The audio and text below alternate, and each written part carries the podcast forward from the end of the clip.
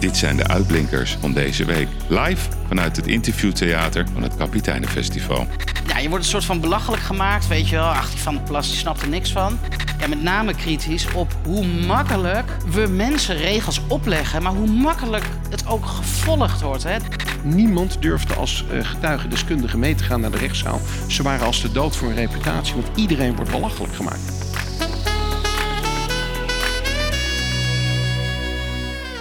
Beste luisteraars, eh, lieve kapiteinen, kapitaals. Het is tijd voor een eh, nieuwe uitblinker van deze week. En dat is het Kapiteinenfestival. En dat is het debat tussen Caroline van der Plas van de Boer-Burgerbeweging, of de BBB, en topadvocaat Arjen Paardenkoper van Blenheim Advocaten. En alles onder leiding van een uh, zeer actieve en inspirerende Twan van Peperstraten. Het debat vond plaats op het taatsterrein tijdens het uh, Kapiteinenfestival in Zaandam. Niet iedereen kon erbij zijn. Een prachtig gesprek, een prachtig debat. Ik zou zeggen, ga er rustig voor zitten en luister mee naar het gesprek tussen Caroline van der Plas en Arjen Paardenkoper. Ga ik nu applaus vragen voor de twee gasten van vandaag. Dat zijn Caroline van der Plas.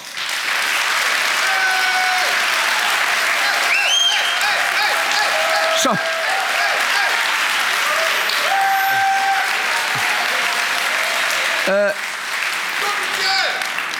Caroline, wil je iets kwijt over je fanclub die je hebt gevraagd voor vandaag of zo? Wat, ja, of is dit uh, altijd waar jij komt? Of? Uh, ja, op straat krijg ik eigenlijk alleen maar positieve reacties. Ja? En ik kan zeggen dat de fanclub hier groter is dan in de Tweede Kamer. Ja? Oh.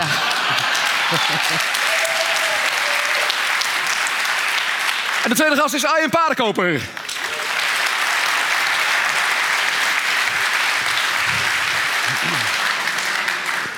En dat heeft niks met jou te maken, Arjen, dat het applaus iets ja. kleiner was. Maar ik moet ook zeggen, ik, ik, ik denk, loop jij met strooifoto's rond of zo misschien ook? Of dat, dat nee, niet? nee, nee, nee, nee. Ja, ik weet niet. Uh, ik vind het heel leuk trouwens hoor, dat jullie allemaal zo positief zijn. Ja. Dat doet me heel erg goed. Ja, de heeft, uh, heel veel ja. nieuwe energie. En jullie, en jullie groeien en groeien en groeien maar, hè? Ja. Wat, wat is op dit moment de peiling, de laatste? De laatste is 12 zetels. 12? Ja. Ja.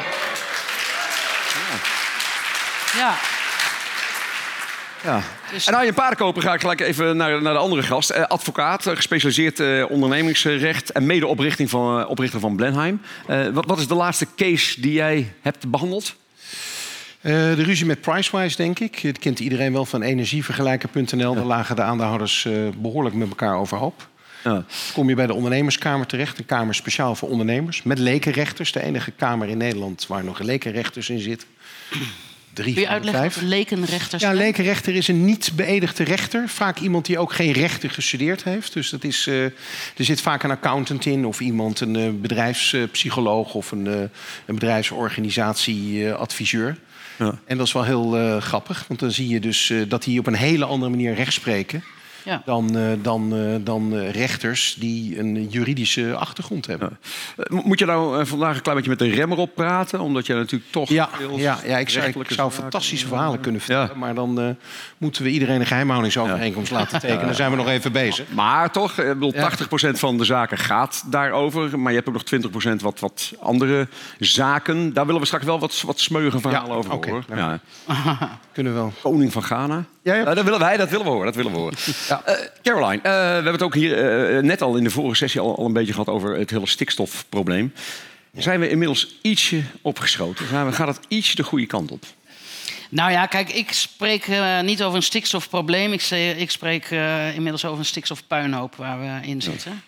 Want het is gewoon een, een dramabeleid wat in Nederland wordt gevoerd. Heel veel op basis van aannames en modellen die dan ook allemaal weer niet kloppen. Um, metingen uh, die er of niet zijn, of niet op de juiste plekken zijn, of, nou, of er wordt überhaupt niet uh, echt gemeten. En met gewoon onhaalbare normen in Nederland. Ja. Dat is eigenlijk nog het voornaamste probleem. En die metingen, heb ik wel eens begrepen, die worden eigenlijk een beetje. Die, die mogen bedrijven zelf uitvoeren. Hoe zit dat? Ja, kijk, de boer moet zeg maar tot tien cijfers achter de komma bij wijze van spreken, ja, niet bij wijze van spreken, registreren wat de uitstoot is. Die krijgt ook vergunningen op basis van de stikstofuitstoot. Hè. Dus je hebt zoveel koeien, dus je mag zoveel stikstof uitstoten en daar mag je dan niet overheen. En ehm, het moeten allemaal, een, uh, zeker als je bij, zeg maar, bij natuurgebieden zit, Natura 2000 uh, gebieden. En nou ja, die zijn er in Nederland echt al heel veel. Dus bijna elke boer zit wel bij een Natura 2000 gebied. Um, moet je een natuurbeschermingsvergunning hebben, want anders mag je, niet, mag je geen boer zijn. Daar komt het eigenlijk op neer. En um, een heleboel bedrijven die werken gewoon zonder natuurbeschermingsvergunning. Schiphol bijvoorbeeld heeft nog steeds geen natuurbeschermingsvergunning. Um, de distributiecentrum uh, Jumbo bij, bij Bijlen, Drenthe, werkt zonder um, uh, vergunning. Uh, en bedrijven mogen zelf opgaven doen van hun stikstofuitstoot. Ja. Dat is dus een hele rare situatie. En ik heb het in de Tweede Kamer al tig discussies hierover gehad. En een tijdje geleden heb ik ook gevraagd um, van... ik wil gewoon dat van de industrie exact wordt geregistreerd wat zij aan stikstof uitstoten. Want dan weten we, want kijk, nu wordt gezegd, ja, 40% komt uit de landbouw. Ja, omdat we dat weten, ja. Dat weten we, omdat dat allemaal geregistreerd wordt. En de andere hè, zijn ook vaak, um, nou, is vaak schattingen. Um, dus dan weten we precies wat die stikstofuitstoot is. En dan, ja, Rutte zegt gewoon ijskoud van, uh, ja, dat is staand beleid. He, staand beleid betekent van, ja, dat, dat, dat gebeurt al. Ik zei, nee, dat, dat, gebeurt helemaal niet. Dat is gewoon niet waar. Ik ga er ook een motie op indienen dat ik wil dat dat gebeurt. En, uh, maar goed, hij geeft dan het... Nou ja, als je de Kamer een motie indient... dan wordt hij geapprecieerd, zoals dat uh, zo deftig heet. Dan gaat de minister van dienst, of degene die erover gaat op dat moment... die gaat de motie appreciëren. Dus je zegt van, nou ja, oordeel Kamer. Dat betekent meestal van, nou ja, het is aan de Kamer. Hè, ik heb geen negatief oordeel. En, uh, of hij wordt ontraden. Dus mijn motie werd, dus op dat moment werd hij ontraden. Want, zei Rutte weer, het is staand beleid. Wat gewoon echt gewoon niet waar is. Um, vervolgens komen dan een paar dagen later, op dinsdag hebben we altijd stemmingen, komt die motie in stemming. En dan uh, stemt de hele coalitie, die stemt tegen die motie. Want zegt, ja, Rutte heeft gezegd dat het staand beleid is. Nou goed, moties kun je recyclen. Dus ik denk bij het volgende debat dien ik hem gewoon weer in. Nou, ik had die motie dus ingediend, uh, gestemd. Um, ik, nee, ik had op donderdag die motie ingediend. Ja, je wordt een soort van belachelijk gemaakt, weet je wel. Ach, die Van de Plas die snapt er niks van. De, de dag daarna was ik toevallig uh, bij BNR uh, eh, op de radio. Ging ook over stikstof. Nou, werd een beetje zo kritisch ondervraagd. Van, maar mevrouw Van der Plas, u ontkent het probleem. Ik ontken helemaal niks. Ik wil gewoon feiten en cijfers. En bij BNR... Um, ik was dus net uit die uitzending. Ik had, had dat uitgelegd. En op dat moment komt het nieuws binnen dat Tata Steel minder uitstoot heeft opgegeven dan dat ze werkelijk uitstoten. Nou, precies mijn punt. Precies ja, mijn punt. Nou goed, lang verhaal kort. Ik heb die motie uh, uiteindelijk drie keer ingediend. Bij de derde keer is die uiteindelijk aangenomen. Dus... Uh, ja. Dus dat moet nu uitgevoerd worden. En dan moeten we gewoon precies weten wie wat, uh, wie wat uitstoot. Maar ja, je moet een lange adem hebben in de Tweede Kamer. Dat, is wel... Dat, is wel een feit, ja. Hoe komt het eigenlijk dat, dat de boeren in het verleden te weinig met één mond spraken? Nou, um, van oudsher is een boer gewoon bezig met voedselproductie. Hè? Dus ze hebben gewoon heel lang eigenlijk gedacht van... maar luister, ja, ik ben gewoon bezig met voedsel. Ik, ja, wat moet ik uh, dan zeggen? Um, maar de agrarische sector is, um, is ook gewoon heel erg verdeeld, hè, dus letterlijk verdeeld in sectoren. Je hebt melkveehouderij, je hebt varkenshouderij, je hebt pluimveehouderij, je hebt geitenhouderij, schapen. Dus al die sectoren die spreken dan voor eigen, die, je wil het beste voor hun eigen sector. Ja. En uh, ja, dan word je wel een beetje een speelbal voor de politiek. Als je niet één gezamenlijke boodschap hebt. En er is heel vaak tegen mij gezegd van... ja, maar wat moeten wij dan zeggen? Want de Partij voor de Dieren die heeft een, ja, die heeft een aaibaar uh, verhaal. Hè? Dieren, klimaat, natuur. En dat hebben wij niet. Ja, ik zeg, dat hebben jullie wel. Jullie hebben het meest aaibare verhaal van de wereld. En dat is voedsel. We hebben drie eerste levensbehoeften. Water, zuurstof en voedsel. Zonder één van die drie ga je dood. Ja, hoe aaibaar wil je het hebben? Dat is de boodschap waarmee jullie naar Den Haag moeten gaan. Wij maken allemaal voedsel. En als je interne verschillen van mening hebt, hou die intern. En loop daar niet mee uit de koop. Want de boeren de melkveehouders zeiden van ja, die varkenshouders dit. En die varkenshouders zeiden weer ja, die melkveehouderij dat. Dan ben je een speelbal van de politiek. Weet je, ze lachen zich helemaal slag in de rond in Den Haag. Want die denken van ja, weet je, die sector die. Uh, Nou, die ligt zelf te rollenbollen over straat eh, met ruzie. Dus, eh, en dat is jarenlang gebeurd. En nu eindelijk, sinds een aantal jaren... Dat zie je ook in hun communicaties. No farmers, no food. Hè, wij maken uw voedsel. Dat is de gezamenlijke boodschap die je moet eh, brengen. Heb jij geen politieke ambities? Eh, voor die maandelijkse beleding, belediging? Nee, liever Nee. niet. Nee, kijk, ik, ik heb net tegen Caroline gezegd... voor mij is dat echt een ver van mijn bedshow. Want bij ons is het gewoon niet lullen, maar poetsen. En ik zou niet geduld hebben om drie keer een motie in te moeten dienen. Mark Rutte die liegt eh, of zijn feiten niet op orde heeft. En, eh, en dan ben je maar weer zoveel verder. En iedereen houdt elkaar de hand boven het hoofd. Dat gevoel heb ik als leek. Dus ik zou er helemaal gek van worden. Je zag natuurlijk toch met het zakenkabinet van Fortuyn. Ja, die jongens die hebben het zes maanden vol kunnen houden. Toen kregen ze ruzie met elkaar. Maar dat was jammer. Maar die, ja, dat is zo'n gevestigde orde. Ik vraag me af, ik ben blij dat er eh, mensen zijn zoals jij... die eh, hun leven opofferen om hier voor de goede zaak te strijden. Ja, ik zou het echt niet willen. Ik bedoel, het is dag en nacht werken. Je wordt nog bedreigd, je wordt lastiggevallen. Je wordt eh, soms met de nek aangekeken. Daar hebben wij er ook wel last van. Maar ja... Ik, Voelt, voelt het soms zo, wel eh, leven opofferen? Ik vind het hartstikke leuk.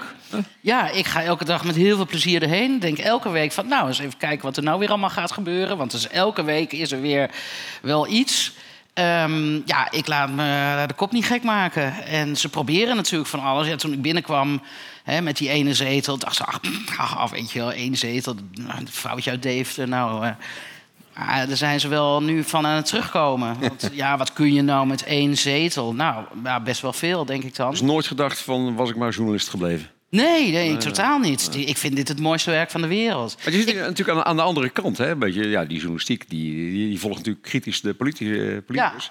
Nu zit je aan de andere kant. Ik bedoel, eh, de- de- het respect is denk ik wel behoorlijk veranderd, hè? Ja, nou ja, nu volg ik de journalisten kritisch. Ja, ja, ja, ja, ja, Dus, precies. eh, ja, nee, maar weet je, kritisch zijn mag en dat moet ook. Daar heb ik helemaal geen problemen mee. Ehm, iedereen mag mij kritisch bevragen en ik geef gewoon antwoord. En met dat antwoord moeten ze het doen. Ja, Ja. anders wordt het niet. Dus, ehm, en dat is in de Kamer ook. Iedereen mag eh, kritisch zijn. Ja, ik vind het soms wel een beetje ja, dom dat ik denk van, nou ja, afgelopen week ook weer tijdens een debat, ja, dan kwam Tjeerd Groot in dit geval van D66 naar voren. En die wil me dan even op mijn plek zetten. Nou, als ik Tjeerd Groot naar de interruptiemicrofoon zie gaan, denk ik, nou, Die is voor mij. vertel. Wat heb je nou weer? Ja, en dan... En, ja, en het, het lukt dan ook nooit. En dan denk ik van, ja, Tjeerd, ik zou dit niet doen als ik jou was. Want ik krijg niet... Ja, Heb je nog meer namen en rugnummers van mensen die al naar de interview zien gaan? Dat, dat, je denkt, eh, ah, kat in bakkie? Ja, nou ja, goed. Er zijn, kijk, in de coronadebat heb je dat ook wel, wel gezien. Hè? Dat ik, daar was ik gewoon eh, kritisch op het beleid. En ja, met name kritisch op hoe makkelijk we mensen regels opleggen, maar hoe makkelijk het ook gevolgd wordt. Hè? Dat heb ik steeds gezegd. Van, weten we nou wel. Ja, waar zijn we nou mee bezig? Ik heb een eh, jongen uit Deventer, eh Sjors, meegenomen. Ik weet niet of hij toevallig in de zaal zit. Maar eh, in de auto had ik het ook met hem, eh, hem over. Eh, bijvoorbeeld die avondklokken. Hè? Als je daar nu dus op terugkijkt, hè, dan zegt iedereen van waanzin. Dat de, de overheid, de Nederlandse burger, gaat verbieden om na negen uur zijn huis te verlaten. Dat is de avondklok. En waarom? Hoe proportioneel is het? Dat heb ik dus ook heel vaak in debatten gezegd. Hoe, hoe proportioneel is dit? En dat je dan controles kunt krijgen. Als je in je autootje over de A1 rijdt... en dat je dan aangehouden wordt door de politie... omdat je om tien over negen van je oma afkomt om naar huis te rijden. Ja, hoe gek zijn we? Nee, dat heb ik in die debatten vaak gezegd. Maar dan zie je andere partijen van... eh, ja, maar wil jij dan dat iedereen in het ziekenhuis gaat... die iedereen doodgaat? Dan wil, wil je dat dan? Nee, natuurlijk wil ik dat niet. Maar een avondklok, weet je, denk even na. Waar zijn we mee bezig? En dat is, ja, dat hoor je nu ook wel. Dat is soms wel mijn grootste frustratie. Dat ik denk van, snappen jullie hoe waanzinnig zo'n maatregel is... ten opzichte van wat er aan de hand is? Weet je, zorg dat die zorg op orde is. Ja, ja, we kunnen niet de zorg eh, zo meteen op orde brengen. Nee, dat roepen we al tien jaar. Maar het als je een keer begint met de zorg op orde brengen... Want door steeds te zeggen van ja, maar dat hebben we niet binnen een jaar eh, voor elkaar. En dat zeg je volgend jaar weer en volgend jaar weer. Dan gebeurt er dus niks. Net als met kernenergie. Ja, weet je, kerncentrales die zijn er niet eh, binnen tien jaar. Nee, als je dat 30 jaar zegt, dan lukt dat ook niet. Nee, ik zou gewoon eens beginnen met bouwen, denk ik dan. Ja. Ja, nou goed, dan... Wat, wat was je nou vooral tegengevallen in de Kamer? Wat is mij tegengevallen? Of ga je de hele waslijst niet noemen? Nee, nee. Dat vind ik best wel een moeilijke vraag. Want ehm, nou, wat mij tegenvalt, of wat me gewoon opvalt eh, meer, is dat de structuren zijn echt zo vastgeroest. En het is echt, je moet er wel echt doorheen wrikken en trekken om dingen los te krijgen. En eh, de, de praktische oplossingen, weet je wel, die worden een beetje soort weggewuifd. Van eh, ja, ja, dat gaan we niet doen, want dat, zo werkt dat niet hoor. Dan denk ik, ja, maar hoezo werkt dat niet zo? Want in het bedrijfsleven, als iemand een beslissing neemt, dan wordt de beslissing genomen, wordt uitgevoerd en dan gaan, gaat iedereen daarmee aan de gang. Ehm, en dat, dat vind ik wel eens. Ja, dat valt me tegen van het, eh, de hoeveelheid Kamerleden die dat dan ook allemaal niet willen. Maar ja, die zitten in een fractie en die hebben fractiediscipline, dus die willen dat misschien wel, maar die kunnen dat niet zo uitdragen. En dan denk ik, kijk gewoon eens naar, een, eh, gewoon naar de praktijk. Klein voorbeeldje, eh, tijdens het koopkrachtdebat een tijdje geleden... vroeg ik aan Kaag van... ehm, kan het kabinet ehm, met de werkgevers in Nederland misschien wat regelen? Hè, mensen kunnen hun rekeningen niet meer betalen. Ik snap ook dat niet altijd alles maar uit de overheidspot kan betaald worden. Maar hebben de werkgevers misschien, al is het maar tijdelijk... moeten die niet iets doen voor de werknemers? Ja, eh, nou, het antwoord is, eh, ja, mevrouw Van der Plas, eh, wij praten elke dag met werkgevers. Word je gewoon eigenlijk een soort van weggewuifd. Twee weken later, wat staat in de krant? Kaag wil dat werkgevers hun verantwoordelijkheid nemen. Ik denk van, dat heb ik twee weken geleden gezegd. En toen was het, maar het, idee is zo praktisch dat ze denken van, ja, dit is me te praktisch. Dit ga ik nu niet zeggen van, oh ja, dat is misschien best een goed idee. Want dan komt het over op dat mensen zeggen van... ja, had het dan al lang bedacht. Dus ze gaan daar gewoon twee weken lang, wordt er verder niks over gezegd... en dan komen ze met een idee van... ja, we gaan met de werkgevers praten... want misschien kunnen die iets doen voor de werknemers. En dan is het hun idee. Wat is jouw grootste kritiekpunt op dit moment op de politiek, Arjen? Heb je even? Ja, ik vind het. eh, ik ben zelf een ondernemer, ik kom uit een ondernemersfamilie, dus ik kan niet tegen die stroperigheid. Het is alleen maar lullen over niks en er gebeurt niks. Kijk, die hele coronawetgeving hebben wij. Wij hebben een kort geding voor in retail, voor de middenstand gevoerd tegen de Nederlandse staat. Die waren heel lang met Rutte in gesprek. Ja, ik denk, hoe lang kan het gesprek duren? Dat duurde al maanden. Ik zei, jongens, de beuk moet erin.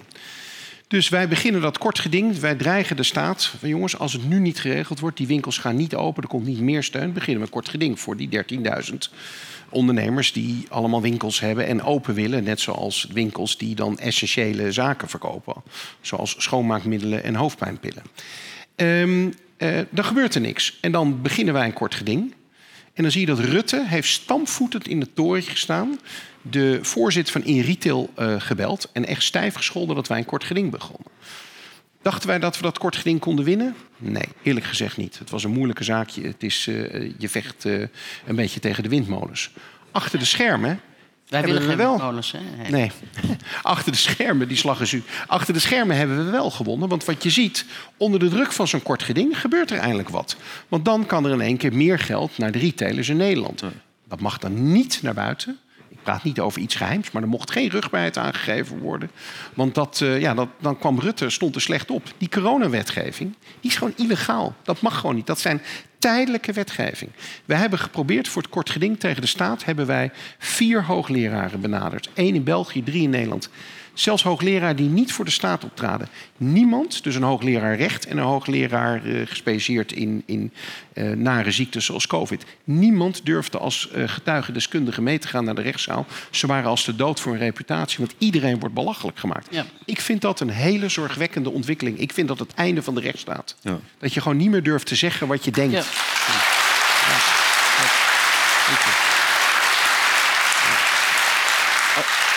Ja, Over, over eh, reputaties en zaken gesproken. eh, hoe kijk jij aan tegen die zaak van eh, Johnny Depp en Ja, zalig natuurlijk. ja. Dat hij wonnen, hè? Ja, ik ook. Maar kijk, kijk maar dat is ook weer juryrechtspraak. Hè? Dus, Ja. dus Johnny Depp... De, in de Sun, in de Engelse Sun, de krant, kwam een verhaal dat Johnny Depp die had dan zijn vrouw mishandeld en dat was een slechte man. En hij vond dat de publicatie onrechtmatig was en hij klaagde Sun aan. En in Engeland verliest hij. Daar zitten gewone rechters. Dan doet hij hetzelfde in, eh, in Amerika en dan wint hij. Dat is wel uniek. Maar dat is allemaal juryrechtspraak. Dus die jury zegt alleen maar... hij heeft het gedaan of niet. Dus wie de beste acteur is, wint natuurlijk. Ik bedoel, de feiten zullen ook meespelen. Deze podcast gaat alleen maar over feiten. Maar hoe het gepresenteerd wordt. En dat is natuurlijk schitterend. Kijk, als je Nederlandse advocatuur in Nederland is uitgehold. De Hoge Raad heeft vorige week vrijdag beslist dat er maximaal 25 pagina's in een processtuk mogen. Nou, uh, gelet op de kosten per pagina juich ik dat alleen maar toe voor de, voor de klanten. Maar een pleidooi mag niet meer gehouden worden. Ze hebben liever geen pleidooi. Dat moet schriftelijk. Bij de Hoge Raad mag je überhaupt niet meer komen. Het moet schriftelijk en ze hebben er geen tijd meer voor. In Amerika is dat natuurlijk het glorious moment. was een advocaat. Dus ja, ik, ik heb gewoon zitten kijken met belangstelling. Ik dacht, nou ja, ik vind die vrouw, die advocaat van Johnny Depp... vind ik gewoon een betere presentatrice dan de advocaat van Amber Hart. Ik denk dat hij het niet gaat winnen. En je zag ook die PR. Ja, je staat ook in feite gewoon beter op een rij. Ja. Hè? En ja. kijk, ik vind, dit vind ik dus zo'n rechtszaak. Dan denk ik van, um, natuurlijk, als het bewezen is en iemand is mishandeld, moet hij daar gewoon voor gestraft worden. Buiten kijf. Maar mensen kunnen dus maar zo dingen zeggen over iemand. En hij is natuurlijk een publiek figuur. En hij heeft gewoon heel veel rollen zijn afgezegd. En eigenlijk zijn leven is een soort van kapot gemaakt.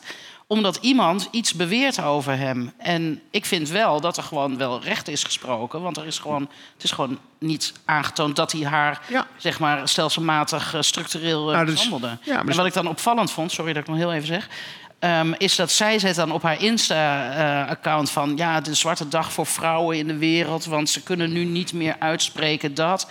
En dan denk ik van, maar hoezo? Want de advocaat van Johnny Depp is een vrouw... en die heeft hem dus verdedigd. Dus het wordt zo, weet je, de vrouw wordt gelijk weer uh, in het, het, slachtofferschap getrokken. Van ja, nu kunnen wij dat nooit meer zeggen. Maar dat is niet zo, want in die rechtspraak, weet je, er wordt recht gesproken. En er zijn denk ik miljoenen vrouwen die bij de rechter gewoon gelijk krijgen. En met bewijzen als ze mishandeld worden. Dus ja. We dwalen een beetje af. Ja, we dwalen een beetje af. af. Ja. Ja, ik ga denk ik mijn uh, woord tot u richten. Want ja. Uh, ja mochten er vragen zijn voor Arjen of voor de boerin zonder boerderij... dan bent u bij deze uitgenodigd. zijn er al vragen? Meneer, kom even naar u toe met de microfoon. hoi, ik heb een vraag voor Caroline. Ehm, ik ben, heel, heel korte introductie... ik ben medeoprichter van de Corona Middenweg. Ik ben vaste schrijver op het blog van Maurice een van de uh, columnisten daar. Uh, en ik heb mij hooglijk verbaasd over het feit dat een paar, nu ongeveer twee maanden geleden, er een WOP-verzoek was. waaruit bleek dat er voor de anderhalve meter nooit een fundament geweest is. Dat is een punt dat ik al vanaf uh, april 2020 onder de aandacht heb geprobeerd te brengen bij journalisten, bij politici, zonder enig resultaat. En ik merk ook nu in politiek geen enkele uh, invloed van dat WOP-verzoek. Terwijl ik dat toch, wat mij betreft, is dat de allereerste punt. De anderhalve meter klopte niet. Want verspreiding gaat niet via grote druppels. Dank je. En de vraag? De vraag is: hoe komt dat, Caroline? Doe jij het wel? Is dat niet het allereerste punt waar we het continu over moeten hebben? Die hele anderhalve meter heeft nooit geklopt. Ja. Want daar hangt alles aan. Ja, kijk, er zijn heel veel dingen hè, waar we over moeten spreken in het hele coronabeleid. En de Onderzoeksraad voor de Veiligheid die heeft, er ook een, uh, ja, die heeft daar ook een rapport over uitgebracht. En dat debat komt nog. Ja, dat klinkt een beetje als afschepen, maar dat hoort. Nee, dat is, kijk, we kunnen het um, uh, aan de orde stellen en ik kan dat in een commissiedebat gezondheid doen. Maar dat debat over dat rapport, dat wordt echt een essentieel debat. Wacht, wacht, wacht even, bij het ronde tafelgesprek? Sorry, bij het ronde tafelgesprek stond Maurice helemaal alleen. Dat viel me heel erg op. Hij werd geflankeerd door twee mensen die in het oude paradigma zaten. Ik weet niet of mensen het hebben gehoord. Het was fascinerend. Ja. Maar hij, op basis van wetenschappelijk onderzoek, gaf hij aan van... jongens, die anderhalve meter heeft nooit geklopt. Er werd niet op ingegaan. En dat vind ik nog steeds begrijp ik dat niet. Het probleem van een ronde tafel is. Kijk, een ronde tafelgesprek wordt gehouden om de Kamerleden gewoon te informeren over welk onderwerp dan ook. In dit geval ging dat uh, uh, over uh, corona. Um, Kijk, hij heeft wel aan tafel gezeten. Hè? Dus hij is uitgenodigd, hij heeft zijn woord kunnen doen. Dus het is niet zo dat hij geboycott wordt. Want er zijn partijen geweest die hem op de lijst hebben gezet als spreker. En elk Kamerlid mag, mag mensen aandragen. En daar wordt gewoon een soort van nou ja, keuze uitgemaakt. Um, maar het probleem van een ronde tafel is... Um, het is geen debat. Dat, dat is het irritante van een ronde tafelgesprek. Dus Iemand mag zijn pleidooi doen. Daar krijgt hij één of twee minuten of drie minuten voor. Vervolgens mag je als Kamerlid, vanwege de tijd, het is altijd omwille van de tijd, mag je één vraag stellen. En als je tijd over hebt, mag je een tweede vraag stellen. Maar het is geen debat. Je mag een vraag stellen, hij mag antwoord geven en dan is het oké, bedankt voor het antwoord. Dat is iets anders. In een debat kun je dus echt in debat gaan met iemand. En het probleem is dat je in Nederland um, burgers of wie dan ook mogen niet in de plenaire zaal of in een commissiedebat een debat voeren met de politici. Want daar moet je gekozen volksvertegenwoordiger voor zijn. Zo zit de grondwet in elkaar, kan ik ook niks aan doen. Um, maar ik zou het best graag een keer willen dat je wel zoiets doet. Hè? Maar daar moeten we een vorm voor vinden. Maar dat is geen ronde tafelgesprek. Een technische briefing is hetzelfde. Je krijgt gewoon technische informatie, mag een vraag stellen, bedankt voor het antwoord. Uh, klaar. Zodra je begint te debatteren van ja, maar weet je, wat u nou zegt, dat is onzin, dan grijpt de voorzitter in van nee jongens, het is een technische briefing. Dus het is allemaal heel erg aan regeltjes gebonden. Dus dan komt het over, dat kan ik heel goed voorstellen voor de mensen thuis, van nou weet je, hij wordt de mond gesnoerd. Maar dat is gewoon de regel van een ronde tafelgesprek. En... Als een soort uh, Vera Bergkampje ga ik er even tussenkomen. Ah. Voor een hele andere vraag. Ja, um, als ik het zo beluister wat ik zie in de Tweede Kamer, vind ik het allemaal heel erg reactief. Zo'n debat is ook reactief. En ik zou het zo mooi vinden als de Tweede Kamer meer proactief zou zijn. En zou niet alleen maar zou vragen: doen we de dingen goed, maar ook zou vragen: doen we de goede dingen? En ik begrijp dat de Tweede Kamerleden heel weinig steun krijgen naar verhouding vergeleken met uh, de ministers en de staatssecretarissen.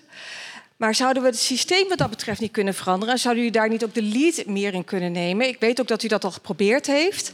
Maar um, ja, wat mij dus opvalt is dat het paard steeds achter de wagen wordt gespannen. Hè? Want nu gaan we alsnog een debat voeren over het coronabeleid... terwijl we de gros van de mensen wel met elkaar eens waren dat het toen al niet goed was. Dat het schandalig was dat het niet gewopt kon worden.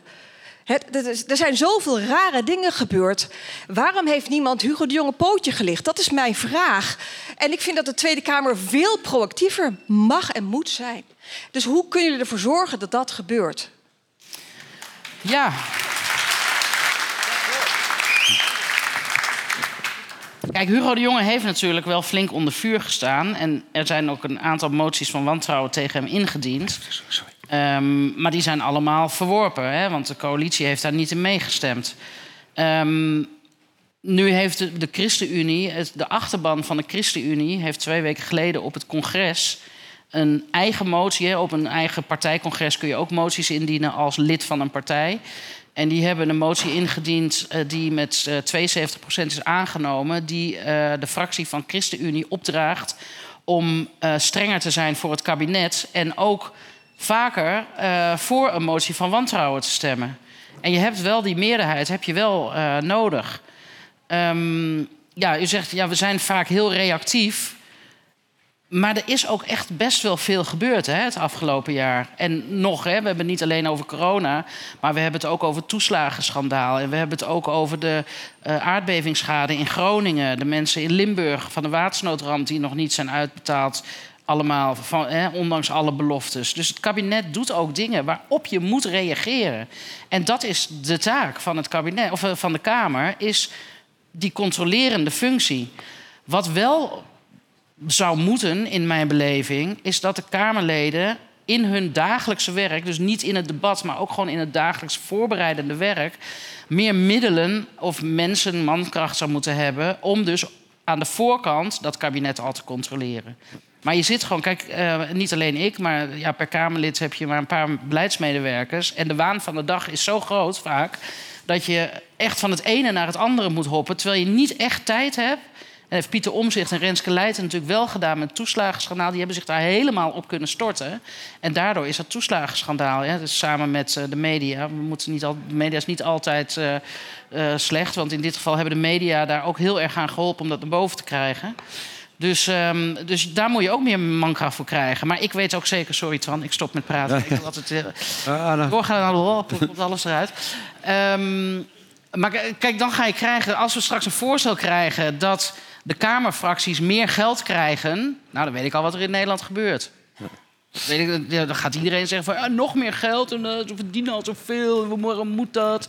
Ja, sorry dat ik het zo zeg, maar dat ga je dan ook krijgen. Terwijl je Ja, nee, nee. dat geld voor je fractie heb je wel nodig om echt goed werk te doen. Goede mensen aan te nemen die dat dus aan de voorkant al kunnen doen. Omwille van de tijd. Eh, nog één laatste vraag. En dan komt nog de anekdote van Arjen Paardenkoper over de koning van Ghana. Goeie tease.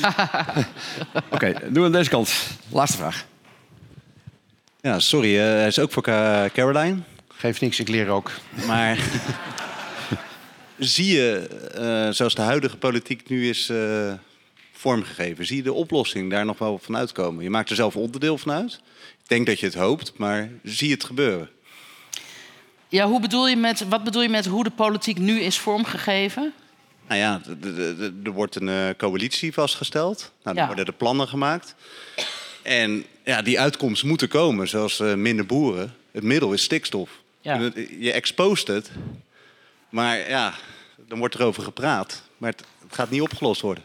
Nee, kijk, in dit geval is het. ehm, de politiek reageert heel erg op de publieke opinie. En als de publieke opinie kantelt, en dat is in het geval met boeren en stikstof natuurlijk jaren niet gebeurd. Want ehm, ja, weet je, mensen geloofden dat gewoon. Ja, die boeren zijn gifspuiters, milieuvervuilers, dierenbeulen, noem maar op. Maar nu zie je, mede door hè, dat ik in de Kamer ben gekomen, maar ook andere partijen, die stellen, hè, ook van buitenaf, die stellen hè, dingen aan de kaak. Nu zie je de mening van het publiek kantelen. Heel veel burgers vinden het gewoon ook een onzinnig beleid. Zodra de publieke opinie kantelt, dan gaan partijen meebewegen, want dat is hun electoraat. En dat is eigenlijk hoe het, hoe het moet. Hè. Dus de, de burgers in Nederland, de mensen in Nederland, moeten zich ook gewoon veel meer uitspreken. En wel graag op een beetje fatsoenlijke manier. Want als ik Twitter bekijk, denk ik: jongens, jongens, jongens, echt, hou op daarmee. Maar doe het gefundeerd. En dat zie je ook met hè, Maurice de Hond bijvoorbeeld. Een tijdje geleden, eh, of toen hij begon, nou, dan was het echt een wappie tot en met. Maar er zijn steeds meer mensen. Hè, hij zit zelfs nu in de Tweede Kamer bij een rondtafelgesprek. Dus steeds meer mensen. ehm, nou ja, die onderzoeken dat ook. Of die, die schrijven daar zelf over. Of die schrijven een ingezonden brief. En zo krijg je dat. Dus het is wel een proces wat wat langer duurt. Maar ik denk dat het wel verandert. Ik, ik denk wel dat het verandert. En ik zie ook wel dat bij volgende verkiezingen partijen die nu nieuw zijn gekomen... ook echt wel meer zetels, niet alleen ik, maar ook andere partijen... die gewoon wat meer zetels gaan eh, halen. En dan, ja, dan zullen we het zien hoe het verder gaat. And now for something completely different. De koning van Ghana. Ik ben toch heel benieuwd naar dat verhaal. Hoe, hoe zat dat? Tan vroeg mij, kan je wat verhalen vertellen? Maar het is, we zitten altijd met beroepsgeheim. Maar dit was wel een mooie zaak. En de koning van Ghana zit hier toch niet. Ik werd, eh, het was een aantal jaar geleden, wat je struisvogels, eh, nu is dat whisky en tiekhout, werd als beleggingen verkocht. Dus er waren een paar Nederlanders die verkochten hier in Nederland tiekhout, maar iedere hectare werd vier, vijf keer aan Nederlandse beleggers verkocht. De koning van Ghana had dat door en die bleek bevriend te zijn met koningin Beatrix. Ik dacht, dit is slecht voor mijn land. Dus ik werd benaderd door een Ghanese advocaat, die heette Kweku Peensel. Maar dat was in de tijd dat we ook er heel veel spam uit, eh, eh, uit Afrika kregen. Waar ze, je hebt een erfenis, je hebt dit en dat. Dus ik had er niet op gereageerd. Uiteindelijk werd ik door de orde van advocaten gebeld. U moet reageren. Dus wij in het vliegtuig naar Ghana en eh, wij moesten bij de koning op audiëntie. Dus wij kregen iemand, een chef protocol, en die legde ons uit. Ja, de koning, en dan mag u only speak when spoken to. Do not touch him. En, prima, en eh be polite. Dus wij moesten om 11 uur op zondagochtend in het paleis zijn. Daar zaten de twaalf mooiste vrouwen tegenover ons die we ooit gezien hebben. Dat bleken de twaalf vrouwen van de koning te zijn. En wij zaten er met z'n tweeën te wachten. En toen zei de chef protocol... His father had 800 women. Ik dacht, oké, nou 12. Wat? 800 vrouwen. Het, eh, de, de, we hebben het over de Ashanti-koning. En ehm, er zijn zeven koningen gaan, maar dit is de grootste koning. Dus we zaten daar te wachten en er kwam een uh, lakij aan met een zilveren dienblad en witte handschoenen. En een beetje zo'n pak, maar dan in het wit met goud. En we kregen een wodka jus d'orange om 11 uur 's ochtends. Dus ik zeg nog tegen mijn medewerker, niet te veel drinken, want we moeten ons zo nog gedragen. Maar als eh, status kregen we de jus d'orange uit een pak jus, terwijl de sinaasappels er uit de bomen vallen. dus wij hebben inmiddels drie wodka jus op. Het is 12 uur. We hadden hem al licht hangen, want ze, ze, ze schonken flink door. En we dachten dus naar de koning van Ghana. We waren al bij twee onderkoningen geweest. Er zat een vent in een kapperstoel met gouden ringen om zijn... eh, dat goud komt er uit de grond. Prachtige mensen, echt, echt prachtig. Maar wel, ja, in onze ogen was dat, dachten wij... Ja, we zien een man met een troon en heel eh, eh, wit gedacht... met een, met een leeuwenkop. Er kwam een vent met Gucci-schoenen. Hello, my friends from Holland, how are you? En voordat we wisten, werden we gehukt. En we hadden natuurlijk echt een drankje al op. Dus eh, hij wist alles van Beatrix. Je was net aan de knie. En op een gegeven moment hoorde ik mezelf zeggen... ja, ik durf het niet te vragen, maar mag ik even in uw troon zitten? Dus wij hebben nu foto's dat we met de koning van Ghana... met z'n drieën foto's hebben. Die hangt nog trots op het kantoor. Het is een prachtige zaak geworden. We hebben het ook allemaal goed gedaan. We hebben veel gereisd. Maar die twaalf mooie vrouwen... die wodka jus uit een pak... dat zal ik nooit meer vergeten. Nou, En zo gingen de verhalen van links naar rechts. Ik ga u danken voor de aanwezigheid eh, en voor de vragen. En ik ga met name mijn twee gasten bedanken. Caroline van der Plas. En Arjen Paardenkoper. Dankjewel. Leuk. Dank voor het luisteren. Dit was eh, de uitblinker van deze week. Of de uitblinkers van deze week. In ieder geval de uitblinker was het Kapiteinenfestival. En de uitblinkers waren Caroline van der Plas en Arjen eh, Paardenkoper. En uiteraard ook eh, Twan van Peperstraten. En vrijdag dan ben ik er weer met eh, mijn vaste compaan Erik de Vlieger. Live vanuit Portugal. De gigs op vrijdag, altijd om vijf uur, te beluisteren op de Kapiteinenlijn. Dus als u ook daar deelgenoot van eh, wil worden, sluit u bij ons aan. Tot vrijdag, in ieder geval ook eh, tot volgende week. Dan hebben we een, mooi nieuw gesprek tussen Mona Keizer en Jeroen van Koningsbrugge vanaf het interviewtheater van het Kapiteinenfestival. Voor nu wens ik u in ieder geval een mooie week toe. Thank you.